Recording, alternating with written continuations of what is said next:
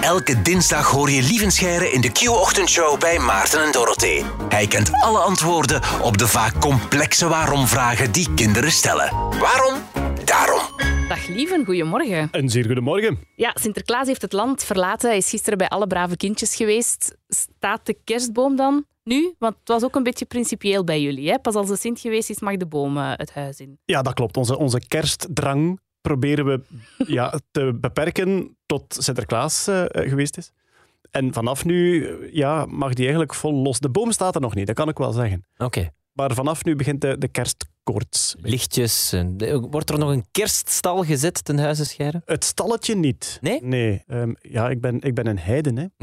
Ehm, ik ben eh, als, ik, als kind in, een- in een ketel christendom gevallen, waardoor ik voor de rest van mijn leven goed ben. Eh, we hebben voor deze week de vraag van Janne, zeven jaar uit Battle, eruit gekozen. Hey lieve, ik wil graag weten waarom je in je ogen wrijft als je moe bent. Waarom wrijf je in je ogen als je moe bent? Ah, omdat je ogen jeuken. Tot volgende week. Maar waarom jeuken je ogen als je moe bent? A, omdat je ogen droger worden als je moe bent. Je ogen drogen een beetje uit. Misschien omdat je minder met je ogen pinkt zou kunnen. Want dus knipperen met je ogen, dat is eigenlijk om je ogen vochtig te houden. Hè. Oog is een zeer gevoelig en dus ook wel redelijk fragiel, een beetje kwetsbaar eh, orgaan. Bij elke knipper leg je een nieuwe film van traan, slijm, eiwitten, antilichamen. Eigenlijk, ja, eigenlijk een soort eh, volledige peperdure dagzalf die bij elk knippertje over je oog wordt gelegd. En dus als je lang niet knippert, beginnen die ogen een beetje uit te drogen.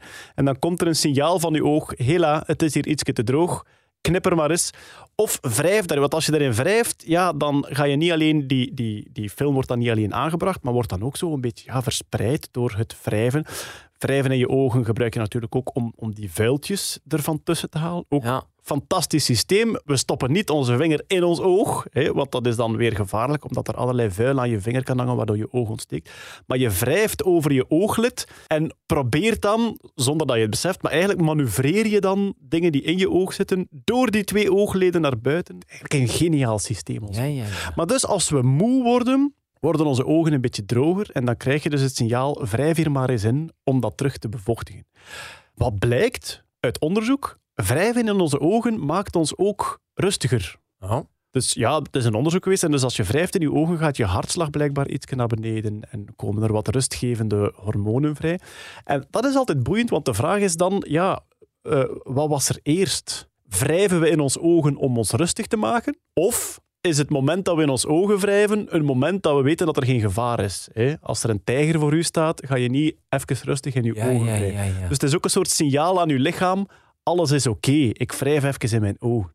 ja. En ja, als mens, wij hangen aan elkaar van de sociale signalen. Hè. Geeuwen bijvoorbeeld. We weten nog altijd niet waarom mensen Ja. geeuwen, maar het is wel iets wat aanstekelijk is. Het is een soort sociaal signaal. Mhm. Het is tijd voor rust en kalmte.